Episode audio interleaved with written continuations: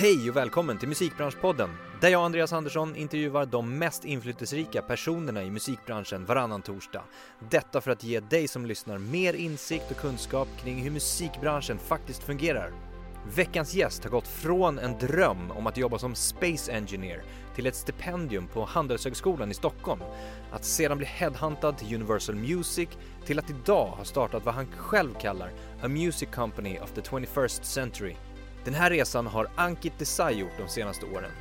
Häng med när vi pratar om hans resa till hans egna tankar kring hur dagens datadrivna musikbransch fungerar och de utmaningar vi står inför, till exempel den moraliska aspekten när det gäller AI, algoritmer och annan teknik för framtidens musikbransch. Följ med i ett riktigt spännande avsnitt.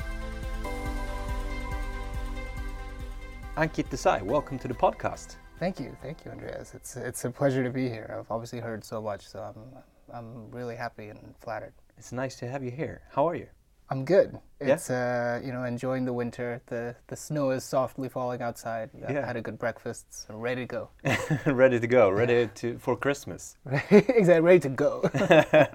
so we're going to talk a lot about tech, uh, algorithms, AI, of course, as well, and um, uh, of course what you are doing as well, and the challenges um, in that. yeah. But um, this is actually the first podcast we have in English. All right. So uh, how do you feel about that? Wow, you know it's that's that's pretty. That's a big responsibility. Yeah, it is. We'll try to make it worth your while. And I know you talk almost seven languages. Yes. Which ones? Uh, so there's, you know, obviously, so the way it works, I'm born and raised in India. Um, and the way that it works is that you generally grow up speaking the national language, that's Hindi. Then you speak the language of the state that you're born in, that's, you know, and I was born in Mumbai, so the local language there, Marathi. And then you speak a third language at home, which is Gujarati, which is where my parents come from. And then I went to an English school growing up. Um, and then the other three are French, Spanish, and Swedish. And we could do this in Swedish, but I, I don't want to I don't want to destroy your listeners' ears. so maybe we do that next time.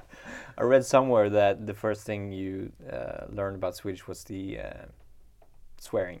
Yeah. Yeah, it's pretty that- common. It is, you know, and it's really I've I found myself now that you know my default swearing tends to be in Swedish. Oh, really? um, it's you know it just rolls off the tongue so well and um, and also I guess like when you when you can kind of do you know do the cuss words it just makes it a lot more fun to learn a to Yeah. learn a language Have you ever had like any goals with your studies? You started with uh, space engineering, Yeah. and then you started with uh, economics, and then continue with economics in Sweden as well. So, have you ever had like a, a vision from to where this will lead you? I've always had the feeling that I want to do something that's my own um, and I want to do something that that impacts a lot of people even if it's just in like a small way but like something that that has like a global scale in some way. And I didn't you know to to tell the truth like music was never part of the plan.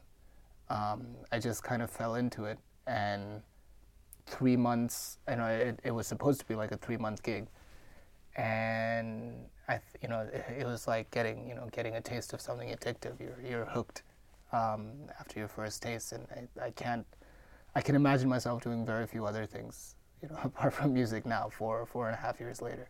So that was an internship. uh, that was not an three-month gig.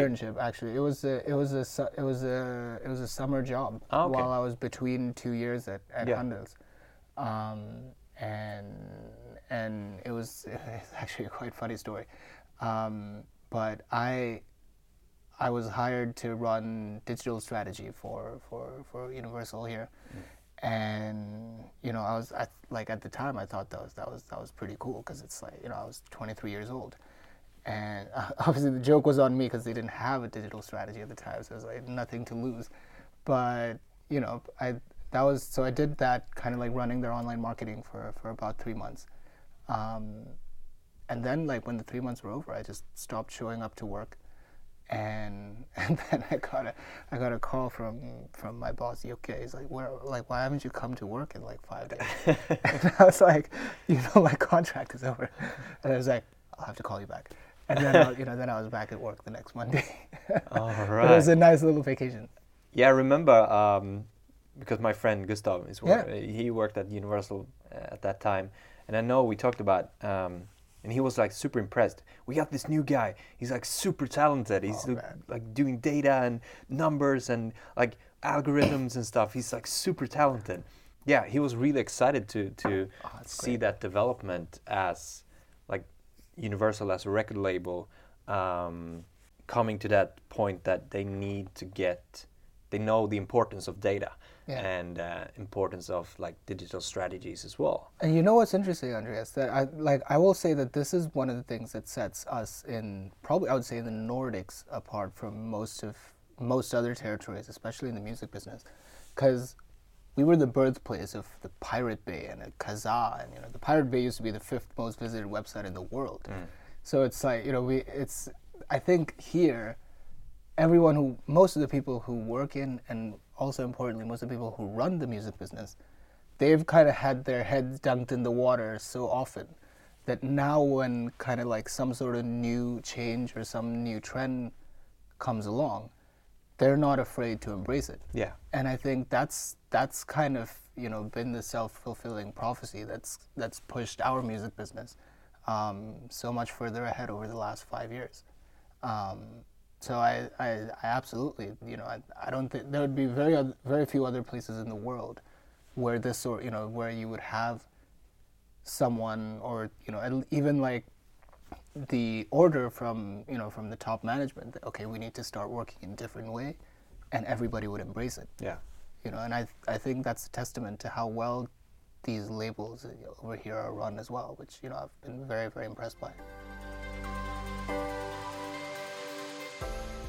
essentially kind of after that you know three month gig uh, it it really came down to meeting meeting essentially with everybody in the company and and helping bring up like the competence uh, in terms of working with data, understanding data, understanding numbers, um, and applying that to our day-to-day work.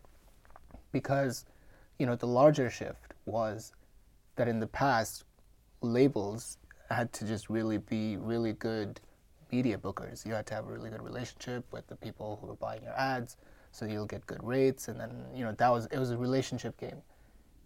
Now, because everybody's able to be an artist, you need to be more of a marketing consultant to the artist to help them cut through all the noise, and that's a much harder job, right?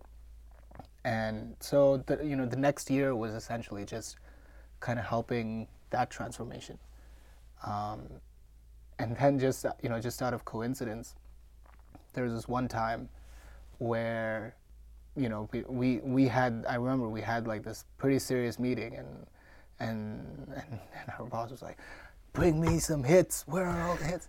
And um and so you know I I kind of like dug down into like everything that we had that was like doing at least like decent streaming numbers and there was one 17 year old kid that was doing 20,000 streams every day consistently for the last two, three months without any playlisting or anything.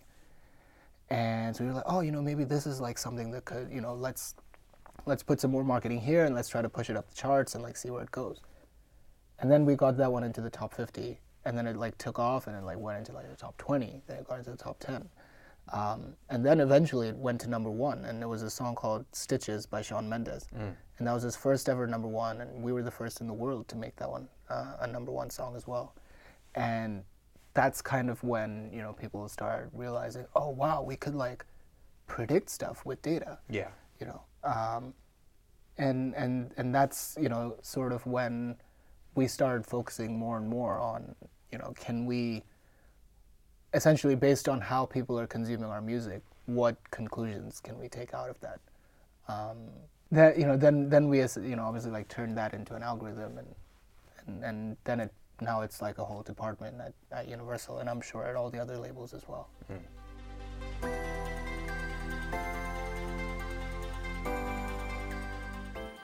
Large companies, even though they're very well run, they tend to have certain problems and certain weaknesses. So if you're someone that's trying to start something, even the best run large company is going to have some weaknesses. And you know, if you can kind of adapt your company to, to deal with those. For example, to be able to work faster, to be able to be more flexible, to be able to offer more independence to like the people that you work with. Um, those are all things that that you know large companies just because they're that large and they need to you know kind of like move in the same direction they're just not able to offer so if you kind of set yourself up in that sense you can go toe to toe against bigger players. So let's talk a little bit more about snafu. Mm-hmm. um, you decided to start that like early this year? Yeah february. So how did you come up with the idea? Um, yeah, the, you know, interestingly, one of the one of the things that kind of triggered it was um, looking at a stat that said that, you know, and this is just like me guesstimating a little bit, but the, about, or I know this to be true, that seventy percent of all the all the music consumption globally is between three companies: mm-hmm. Sony, Universal, and Warner. Um, but I would estimate that these three companies account for less than 1% of all the new music that gets put out every year. So essentially, there's a lot of undiscovered, incredible music out there, you know, in from Indonesia to Colombia to Australia to probably like, you know, Mongolia or wherever, um, that is never going to, you know, get the sort of audience that it deserves because no one's able to find it, and these artists don't have the means to kind of you know to kind of reach out to the rest of the world. And so our thinking was, if we just built the right tools to you know to find that girl in her bedroom in Indonesia who's writing this incredible music, we can try to bring her music to the world. Mm-hmm. And and that was you know the ground idea behind behind Snafu, that our you know our the musical world has changed, but the big players are still working in the same way. Can we sort of help this shift a little bit by, you know, by trying to make a more equal playing field for the artists? Mm. So that's the idea. And uh, if you can tell us more about like the business model, yeah. Uh, how does that work? Are you like, do you classify yourself as a record company mm-hmm. or a tech company or? It's um, it's interesting, and I think at this point, I would almost say like it's it's hard to differentiate between the two. We're you know we're we're a tech-driven music company, mm. um, but we're a music company at heart. Um, that's that's using today's technology to to essentially, uh, you know, to, to essentially have the best business model. So the way that it works essentially is if we've let's say found, um, you know, we've for example like one of our one of our favorite signings is um, these two guys from Arkansas in the U.S. And we've, you know, the algorithm found them on like day two, and uh, day two that they'd put their music out, and you know, we reached out to them, we signed them, uh, and we're gonna put out our first song with them on on February first, and and you know, and that song is is produced by Carl, who's right. you know obviously one of the biggest producers in the world, and an artist at that stage, even though they're massively talented, it would have probably been years before they would have, you know, essentially like got that sort of support otherwise. Mm. Um, and and that's essentially kind of like the the model that we're trying to bring to the table, where we find a few talented artists wherever they are, anywhere in the world, and then try to kind of like bring our toolbox into play in terms of you know marketing, in terms of relationships, in terms of songwriters and producers for them to work with and try to take their career to the next level. Mm. But when, when you talk about finding these artists, like your algorithm, and are you the one who's who has built that? I built the first version. Then yeah. we hired people way smarter than me to you know to like improve on it. Yeah. Funny enough, our our, our chief technical uh, technology guy is an aerospace engineer. Oh, really? Um, yeah. So exactly. So so I built like the first version of like okay, this is what we're gonna look for, mm. and then we've been improving on it obviously for the last like eight nine months. Yeah, and that algorithm is like scanning through like streaming sites like Spotify, Apple Music, everything. SoundCloud, YouTube, it, and it, it basically like sorts through around 200,000 unsigned artists every week.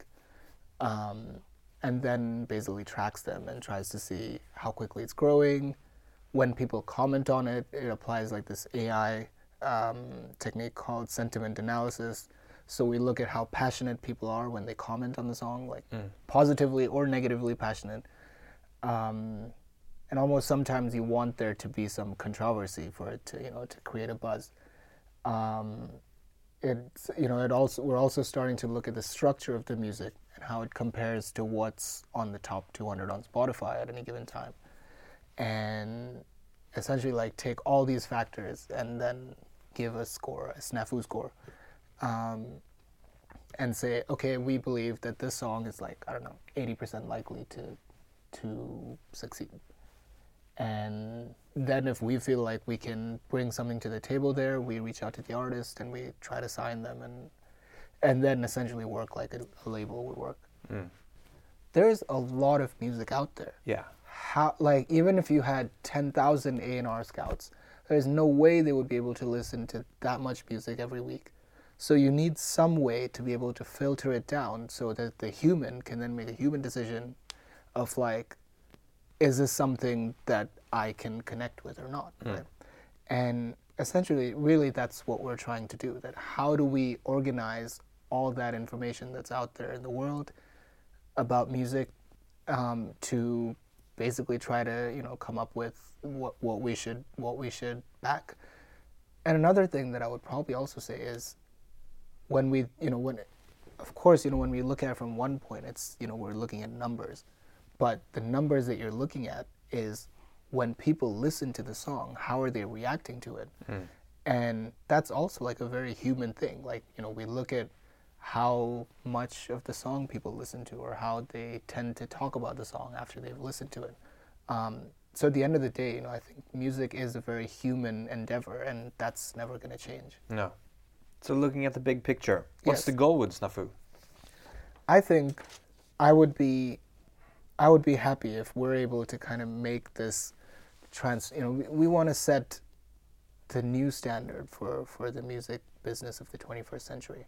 Um, we're going through a period of like massive change right now. A lot of things are being shaken up, and we want to be the new way in which the music business should work, um, and be able to you know essentially like give chances to you know to that girl in her bedroom in Indonesia or that you know the next Drake who's out in Colombia right now and you know in Medellin, and I think you know the goal with Snafu is to is to one day be big enough that we can you know we can be a home for for artists from all over the world, um, and we're you know we're we're working in a way that's a lot you know more transparent. We you know that we're working side by side with computers and with AI, but we're doing it in a way that's responsible. Mm. Yeah, we talked about that, in, mm-hmm. like in the ethical part of it, is Yeah. in almost like a philosophical way as well, like challenges with AI and challenges with like the future and and and like comparing that to the human touch of it and what what's your thought about that? Yeah, you know, this is this is of course something that we've talked or debated quite a bit about internally, where when you know today we're we're using human built algorithms to predict if something is going to work or not, and then you know try to like generate new music based on those rules as well. But the next, I think, you know, the next kind of progression, which I would say is inevitable, it's going to happen, is AI coming into music, and that I think is a is, is a lot harder for kind of like us to like wrap our heads around, because where does the you know es- essentially like where does the line to creativity stop? Um, because when you really think about it, like when you think about like AI generated music, for example, how much time and money would it take for you to get a hundred songwriters to write a hundred songs? Probably quite a bit of time and quite a bit of money. But at the same time, those you know you're probably going to have like a quite good standard on those songs because they're professional songwriters. If you asked an algorithm or an AI to write, let's say, ten thousand songs, or even like 10 songs, the probability that one of those 10 songs is going to be good is actually quite low. Um, but the key is that it doesn't cost any more time or money for the AI to write a hundred million songs, Mm. and then one of those is most likely going to be good. Yeah. And so you know, so like from a purely like statistical point of view, AI-driven music is going to arrive. Then you know, our view has been that okay, if it is going to arrive, it's our responsibility to do it first and do it responsibly so that we set the standard and not you know we who understand the music business who understand what the creatives need and you know who've worked with them for years are the ones who kind of bring about this change and not like some outside player who's doing it for whatever reasons. And and that's you know that's also kind of like one of the you know let's say the, the, the, the moral goals that we want for snafu is that we want to be the ones who help bring in this transformation. Um, but do it in a way that's you know that's that's friendly to everybody Yeah. because i mean the computers are there to serve us at the end of the day mm. You said that you've talked about it, like discussed it in, internally. Mm-hmm. Do you talk about it externally as well, like to partners or to creators or like songwriters? probably not as much as we should to be to be very very But honest you want to? yeah Yeah. absolutely absolutely i think this is like a broader conversation that the entire music business needs to have mm. um, because you can't i mean you can't stop changing you can't stop ca- you know it's like you know it's it's like the big music companies trying to stop downloading and piracy and stuff like that it's like it was just more convenient Yeah. and I think this is going to be that next change. And so we need to, you know, ha- before it hits us, we need to have a discussion about like how we're going to deal with it, mm. basically. What do you see other companies, not mentioning any names, but Yeah. like doing wrong in regards uh, to data, for example? Do they underestimate the importance of data? I would probably say so. In in a lot of cases, they do, um, because one thing is just being able to. One thing that companies tend to do is use data as a way to validate what they already think, right? And I think again that's good, but that's like the first stage, where you're building dashboards, where you're building visualizations, et cetera, et cetera. Where oh, you know, this streaming is going up. Like, oh, I thought that too. Like, let's sign that artist um, the next stage, which I think a lot of companies have trouble going to, is using the data to actually get insights about what you should do next. Um, so you don't come in with any like prejudice, but you listen to the data. You know, you listen to the list. You know, you listen to the data to tell you what you should do. Mm. Um, and I think if you understand where the data is coming from, then you start to, because it's not just oh you know these are numbers and I'm not a numbers guy, I'm a feelings guy, you know. But like what the numbers are telling you is the feelings of thousands of people. You would be crazy to not listen to that, you know.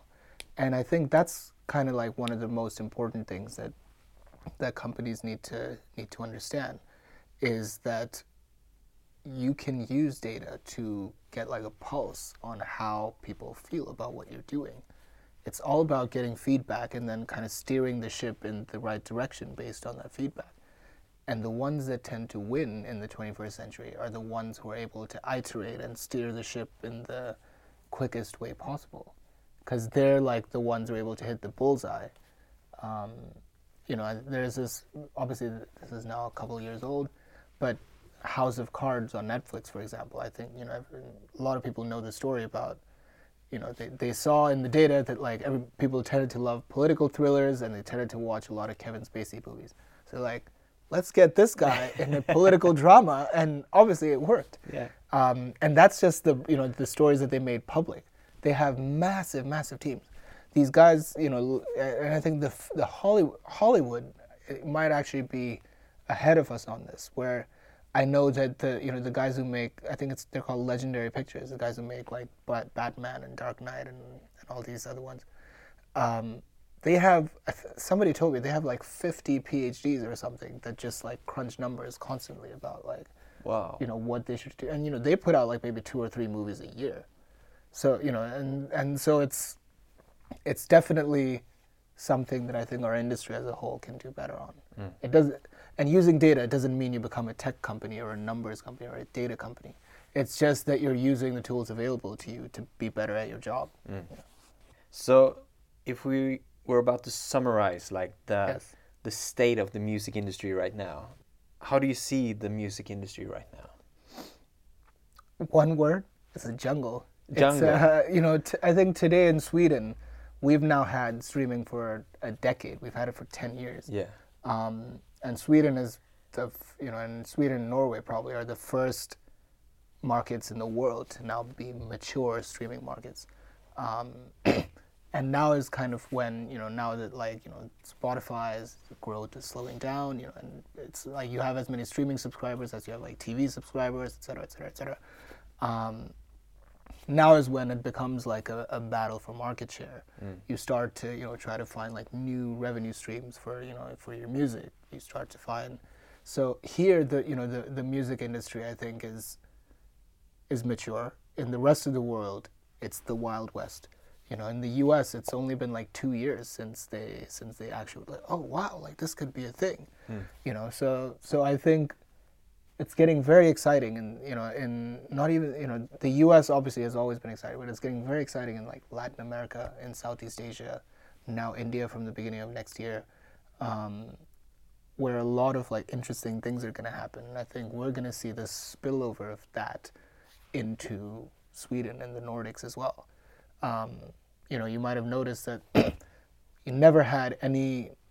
I'm going off on a tangent here, but like we never had any like Latino hits in Sweden, No. except like that one every year that was like the summer, Oh, you know, yeah. whatever, yeah.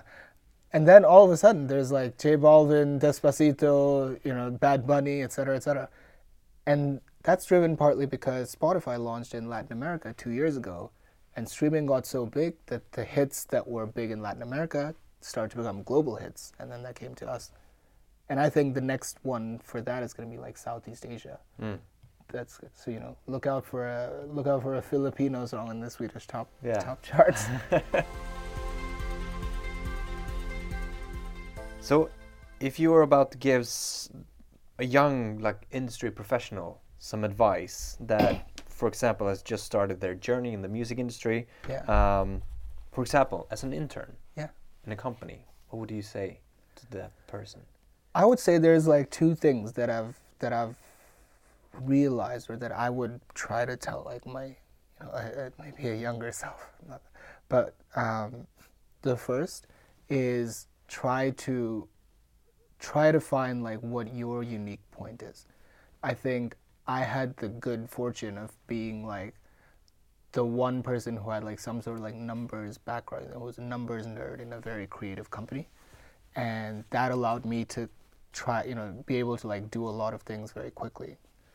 And so you know, it doesn't, you know, you don't have to be like a numbers nerd or like a you know marketing specialist, but if you can kind of convince your boss that, you know, yeah, you're this intern, but you can kind of like offer, you have like this very specific set of skills that the company needs.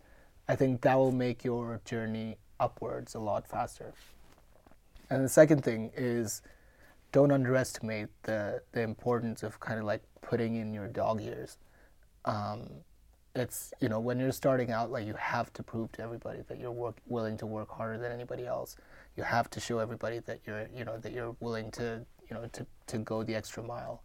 Um, and that you're there as a, that, that you're there as a support but at the same time just hard work is not going to get you there you have to be able to work smart and and kind of going back to point one know what you bring to the table and bring something different to the table i would say like those two things would be super key Great for any, any intern that i try to hire as well And you're gonna get a question from our last guest, Jenny Hermansson, uh, managing director at Spotify. She's wondering, how do you want the music industry to be remembered for the era we're in right now in the future? I would say this era that we're you know that we're in right now, I w- I would say I want it to be remembered as one of transparency, you know, increasing transparency. Um, you know, that's that. The, the, I think the next ten years are going to be about. Uh, you know, the, the last 10 years of streaming have been about like the best co- possible consumer experience and i think the next 10 years are going to be about the best possible creative creator experience you know allowing more people to make you know to make money off their music and I think increased transparency, everybody is kind of like moving towards that, and I would like that to be the case, of like, you know, justifying your place in the food chain. Like whoever is in the food chain justifies why they are. Um, why are you taking fifty percent of my, you know, of my royalties? Well, because blah blah blah, and I would like for that to you know to essentially be the case. Cool. And what do you want to ask our next next guest? I would like to ask the next guest, what is the probability that your job will be taken over by an AI in the next five years? Good one. Really Yeah. good one. Awesome. Yeah, I'm, I'm actually really now. I hope it's like a, you know, I, I and I hope it's like 100 percent or something. You know, Yeah, like something an con- controversial. Admin uh, Yeah. person, some sort of. Yeah, I mean, honestly, it would be even more interesting if it's an if it's like an A and R or an MD. Definitely, definitely. Because that's, I mean, imagine having a computer as your boss. Yeah. Ankit, thank you so much for a great. Andreas, it was a pleasure. Seriously, it was a pleasure. It was really Sounds good great. to. And good luck with Snafu. Thank you very much. Thank you. Thank you.